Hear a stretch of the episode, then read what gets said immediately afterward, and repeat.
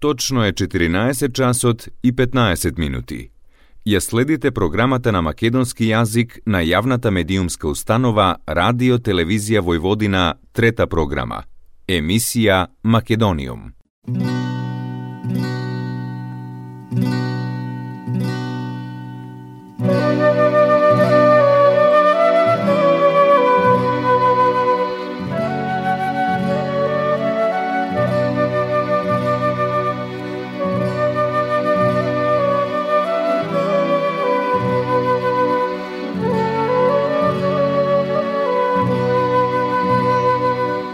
Добар ден и добре дојдовте во најновото издание на емисијата Македониум.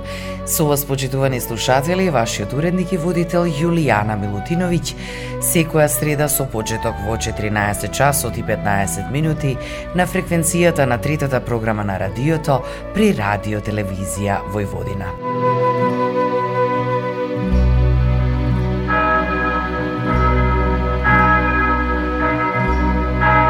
Македониум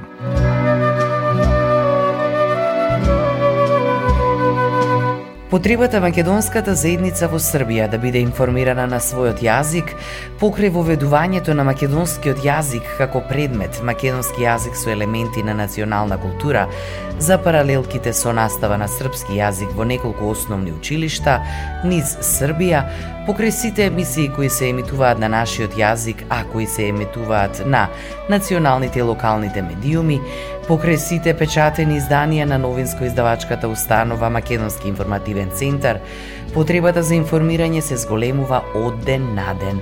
Така пред една година, конечно македонците во Србија добија портал кој го заслужува секое внимание. Седиштето на овој мултимедијален центар е на интернет, но сепак физички зад него работат видни македонци. Со нас денес во Македониум е Зорица Митровиќ, главен и одговорен уредник на порталот Макинфо. Зорица, мене ми е особено задоволство што сме повторно заедно во оваа емисија. Добре дојдовте во Македонија. Порталот Мак Инфо наполни една година. После оваа година работа на овој портал, кажете ми колку беше предизвик да се направи овој сервис? Добро ве најдов и ви благодарам за поканата и за можноста да го представам порталот Мак Инфо и во вашата емисија која јас редовно ја слушам, а исто така и посетителите и читателите на порталот Макинфо имат можност редовно да ја следат. И тоа всушност беше една од причините за основање на еден таков портал, портал кој ќе ги сублимира сите информации, настани, активности, дострели на, но и за македонската заедница во Србија. А, јас бев во прилика пред повеќе од година, година и пол дена да бидам во Македонија и во тамошните медиуми да ја представам а, македонската заедница, нашите активности, сето она што ние овде го а, правиме и го продуцираме. И во неформалните разговори со новинарите кога требаше да им дадам информација или линк каде може да ги најдат и да ги следат сите тие информации, на тој список се најдоја десетина места. Например, вашата радиоемисија на еден портал, телевизиските емисии на друг и на трет портал, издаваштвото на Македонскиот информативен издавачки центар, пак на некој посебен портал, активностите на Советот, а да не зборувам за активностите на, на здруженијата, дакле на, на, на десетина различни страни се наоѓаат сите тие, сите тие информации. И тогаш сватив дека а, на некој кој што не е дел од заедницата, или е дел, ама сака да се запознае поблиску со неа, е многу тешко да се снајде и не може сам ни да се снајде во сето тоа. Од друга страна на припадниците на македонската заедница, на сите оние кои што се ангажирани во македонските здруженија, не можат да ги најдат, например, сите конкурси на кои што може да конкурираат, каде све може да учествуваат, иако Советот времено ги информирано, тие информации постојано треба некаде да бидат видливи и достапни. И така настана идејата да се направи еден интегрален сајт, еден а, информативен електронски центар на кој што ќе бидат застапени сите ајде така да ги наречам, производи на македонската заедница, значи се она што се продуцира на македонски јазик овде во Србија, од емисии до настани и манифестации, за да биде информативен не само за припадниците на, на македонската национална заедница, туку и за сите оние кои што сакаат да се информираат и поблиску да се запознаат со неа. И а, тој предизвик е навистина голем, но еве се уште се уште не држи активни. Македонијум Кои беа тогаш предизвиците на почетокот, а со што се соочувате денес низ градењето на порталот? На почетокот најголемиот предизвик ни беше самото запознавање со програмата во која што треба да се објавуваат текстовите, информациите и фотографиите. Но а, тука на вистина многу ни помогна администраторот на порталот кој што максимално ни ја поедностави а, работата Тој секако е и еден од најзаслужните за тоа како порталот денес изгледа и секојдневно обезбедува нормално и несметано сето тоа да функционира.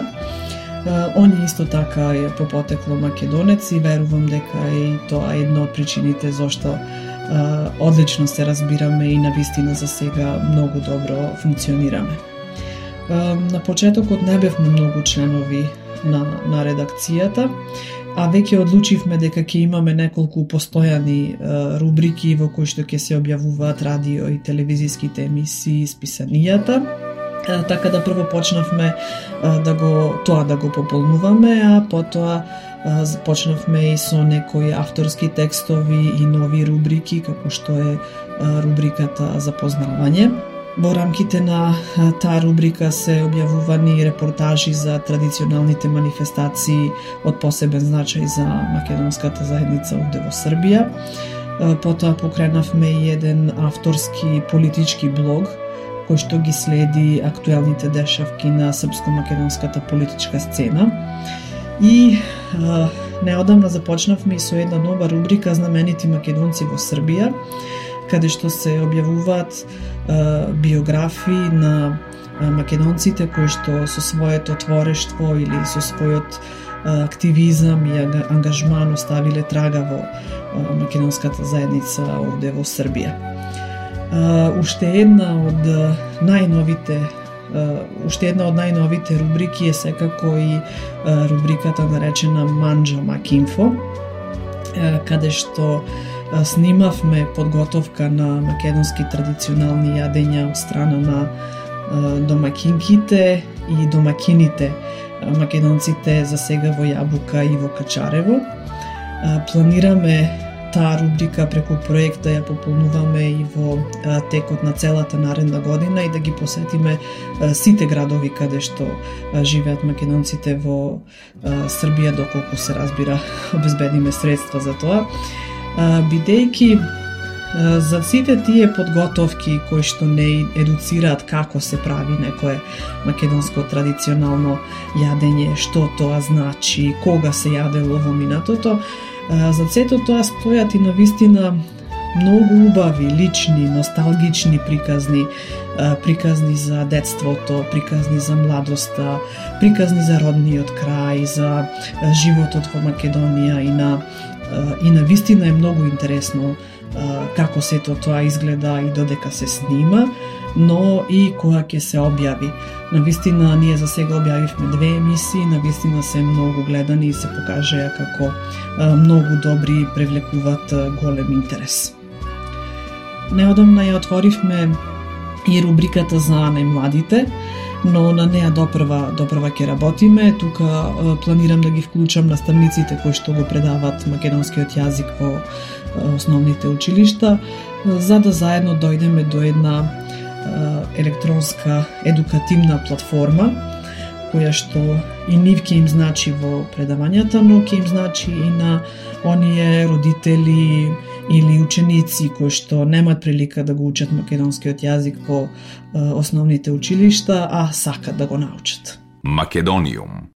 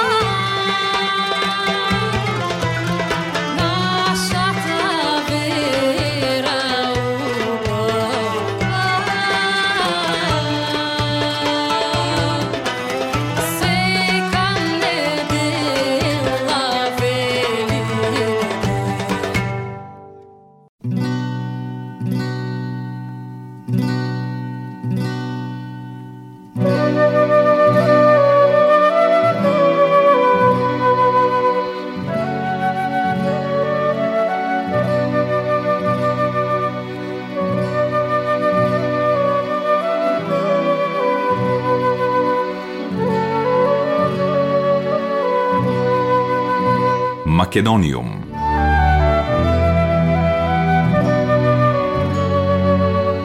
Денеска зборуваме во емисијата Македониум со Зорица Митровиќ, главен и одговорен уредник на порталот Макинфо. Зорица, вие сте главен и одговорен уредник на овој портал. Дали соработувате со медиуми од Македонија, постои ли некако вид соработка низ размена на информации? Соработуваме со неколку медиуми во Македонија со кои што ги разменуваме информациите и од кои што преземаме некои вести и информации за кои што сметаме дека се битни да ги знаат македонците кои што живеат овде во Србија. Исто така имаме одлична соработка од самиот почеток на работата на порталот Макинфо со порталот Илинден од Тирана и таа соработка со нив ја остваруваме најмногу, најмногу во рубриката Македонци во светот, бидејќи они на вистина имаат времени и обширни информации за сето она што се случува и за сето она што го организираат македонските информации чилум светот во Америка, во Австралија, во Канада, во Германија, во цела Европа и се трудиме тие информации да ги пренесеме и на порталот Макинфо за да и нашава заедница биде запознаена со сето она што се случува за, за македонците во светот, а секако и они како портал конечно да имат еден проверен извор на, на информирање за македонската заедница во Србија, бидејќи до сега објавуваја прилично непроверени информации. Македониум Зорица, вие сте главен и одговорен уредник на Маки Инфо. Колкав е тимот кој што стои зад информирањето на овој портал? Тимот се уште не е многу броен за сега. Тука се покрај мене моите колешки и колеги Елисавета Ивановиќ, Александра Масел, Искра Пенева, Маријан Јовановски, Митко Арнаудов, Зоран Митровиќ, Ѓорѓи Мугрев и мислам дека е тоа тоа.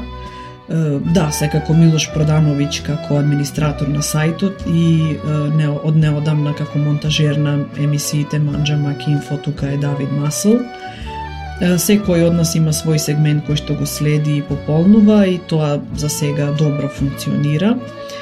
Секако дека имаме потреба од проширувањето на тимот, потребен ни е лектор за македонскиот јазик, потребен ни е приведувач на српски јазик за да може тоа да функционира двојазично, бидејќи сајтот е така и поставен да функционира двојазично и секако доколку се објавуваат текстовите истовремено и на српски и на македонски јазик ќе имат поголема, ајде така да кажем, употребливост. Тие текстови ќе бидат приступачни и на оние кои што не го разбираат македонскиот јазик и можат поубаво да се и подетално да се информираат за активностите на, на македонската заедница, но некој мора исклучително само со тоа да се бави. Ние за сега тоа не го постигнуваме. Кога имаше помалку објави и кога обемот на работата беше помал, тоа можеше да се да се постигне, но сега на вистина веќе не може. Планираме во иднина да имаме и дописник или член на редакцијата од секое место каде што има македонско здружение за да добиваме и имаме времени информации од секаде, но отом потом се надевам дека ако не наредната година, тогаш во некоја блиска иднина и тоа ќе го возможиме. Македониум Кажете ми што најмногу недостасува во работата со ваков медиум? Па најмногу недостасуваат секако финансиски средства средства за да може да се обезбеди континуитет во работата, бидејќи она што го добиваме за сега од преку проектот Покраинскиот секретаријат за култура и информирање, градот Панчево, градот Нови Сад, општината Бландиште, градот Ниш, тие средства не се многу големи за сето она што сакаме да го направиме и за сето она што го правиме но сите ние кои што сме ангажирани и кои што работиме во рамките на ова редакција сме свесни за тоа дека не сме тука за да заработиме, веќе сме тука да одработиме нешто и на таков начин ни функционираме. Јас се надевам дека ќе успееме да обезбедиме средства и од странските фондации на кои што ќе им се посветиме повеќе наредната година, бидејќи они сепак даваат поголеми можности за функционирање на, на една ваква редакција, која би требало и да се прошири, за да може да функционира онака како што е замислена, а тоа е да биде еден електронски сервис на македонската заедница овде во Србија.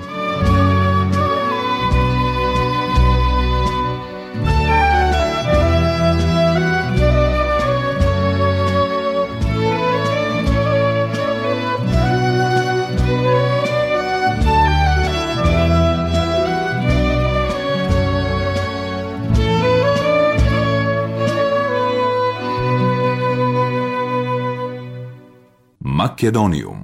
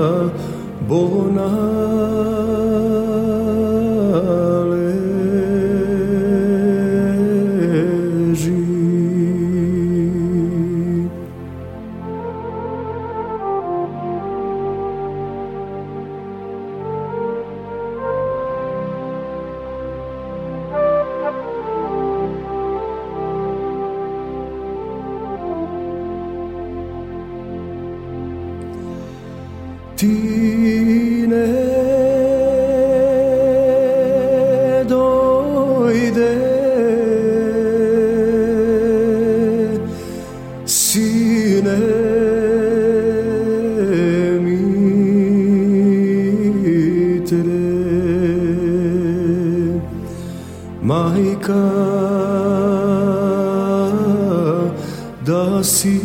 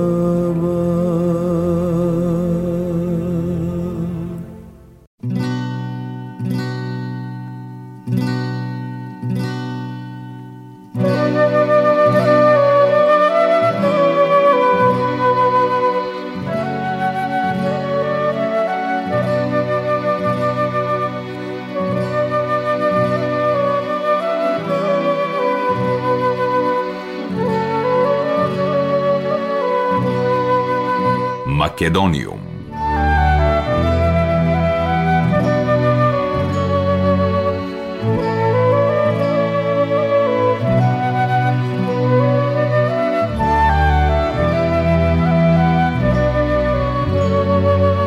Зорица, дали сметате дека македонците во Србија низ сите канали кои ги споменав на почетокот се доволно информирани на својот јазик? Е, Јас сметам дека сме доволно информирани во смисла э, дека поголемиот дел, ако не и сите настани кои што се организираат во, во македонската заедница овде во, во цела Србија, се медиумски покријани.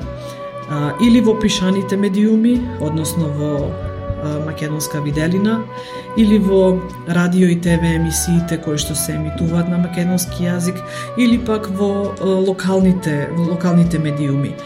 Ако ништо друго, а, за нив имаме прилика да читаме и да гледаме и да се информираме и на, и на социјалните мрежи. Но она што според мене недостасува во информирањето се некои истражувачки текстови, се некои анализи во сите области каде што ние ги остваруваме своите права, споредби со другите национални заедници овде во Србија, поедноставно и поблиско објаснување на правата кои што ги имаме и а, анализа дали, колку и на кој начин ги остваруваме ние тие права. А, наједноставно и во неколку збора речено, ни недостасува една поголема новинарска иницијатива, која што пошироко ќе ја согледа и на тој начин пошироко и ќе ја информира македонската а, национална заедница. А, ние во Макинфо на вистина а, се трудиме и настојуваме тоа на таков начин да го реализираме. Македониум. Денеска во разговор со нас во Македониум Зорица Митровиќ, главен и одговорен уредник на порталот Макинфо и пред самиот крај од денешното издание на емисијата Македониум уште едно прашање за вас.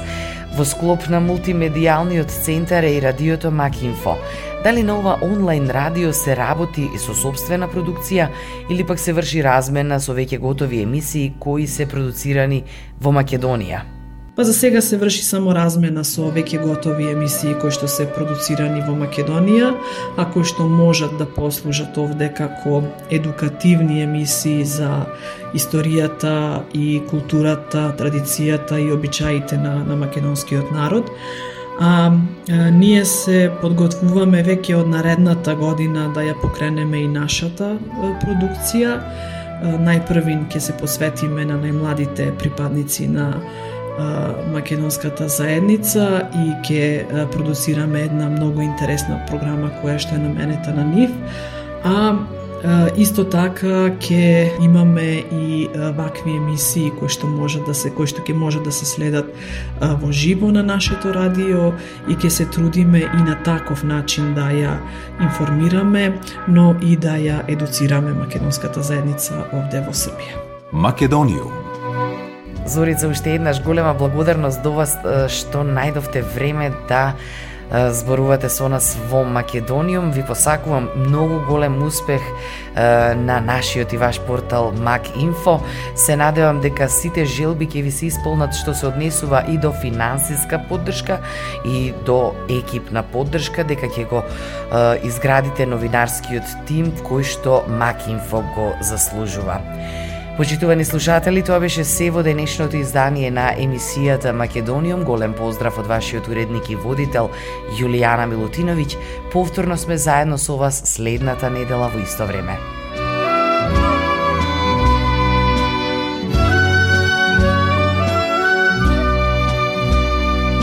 Ја следевте програмата на македонски јазик, емисија Македониум. Главен и одговорен уредник Воин Поповиќ.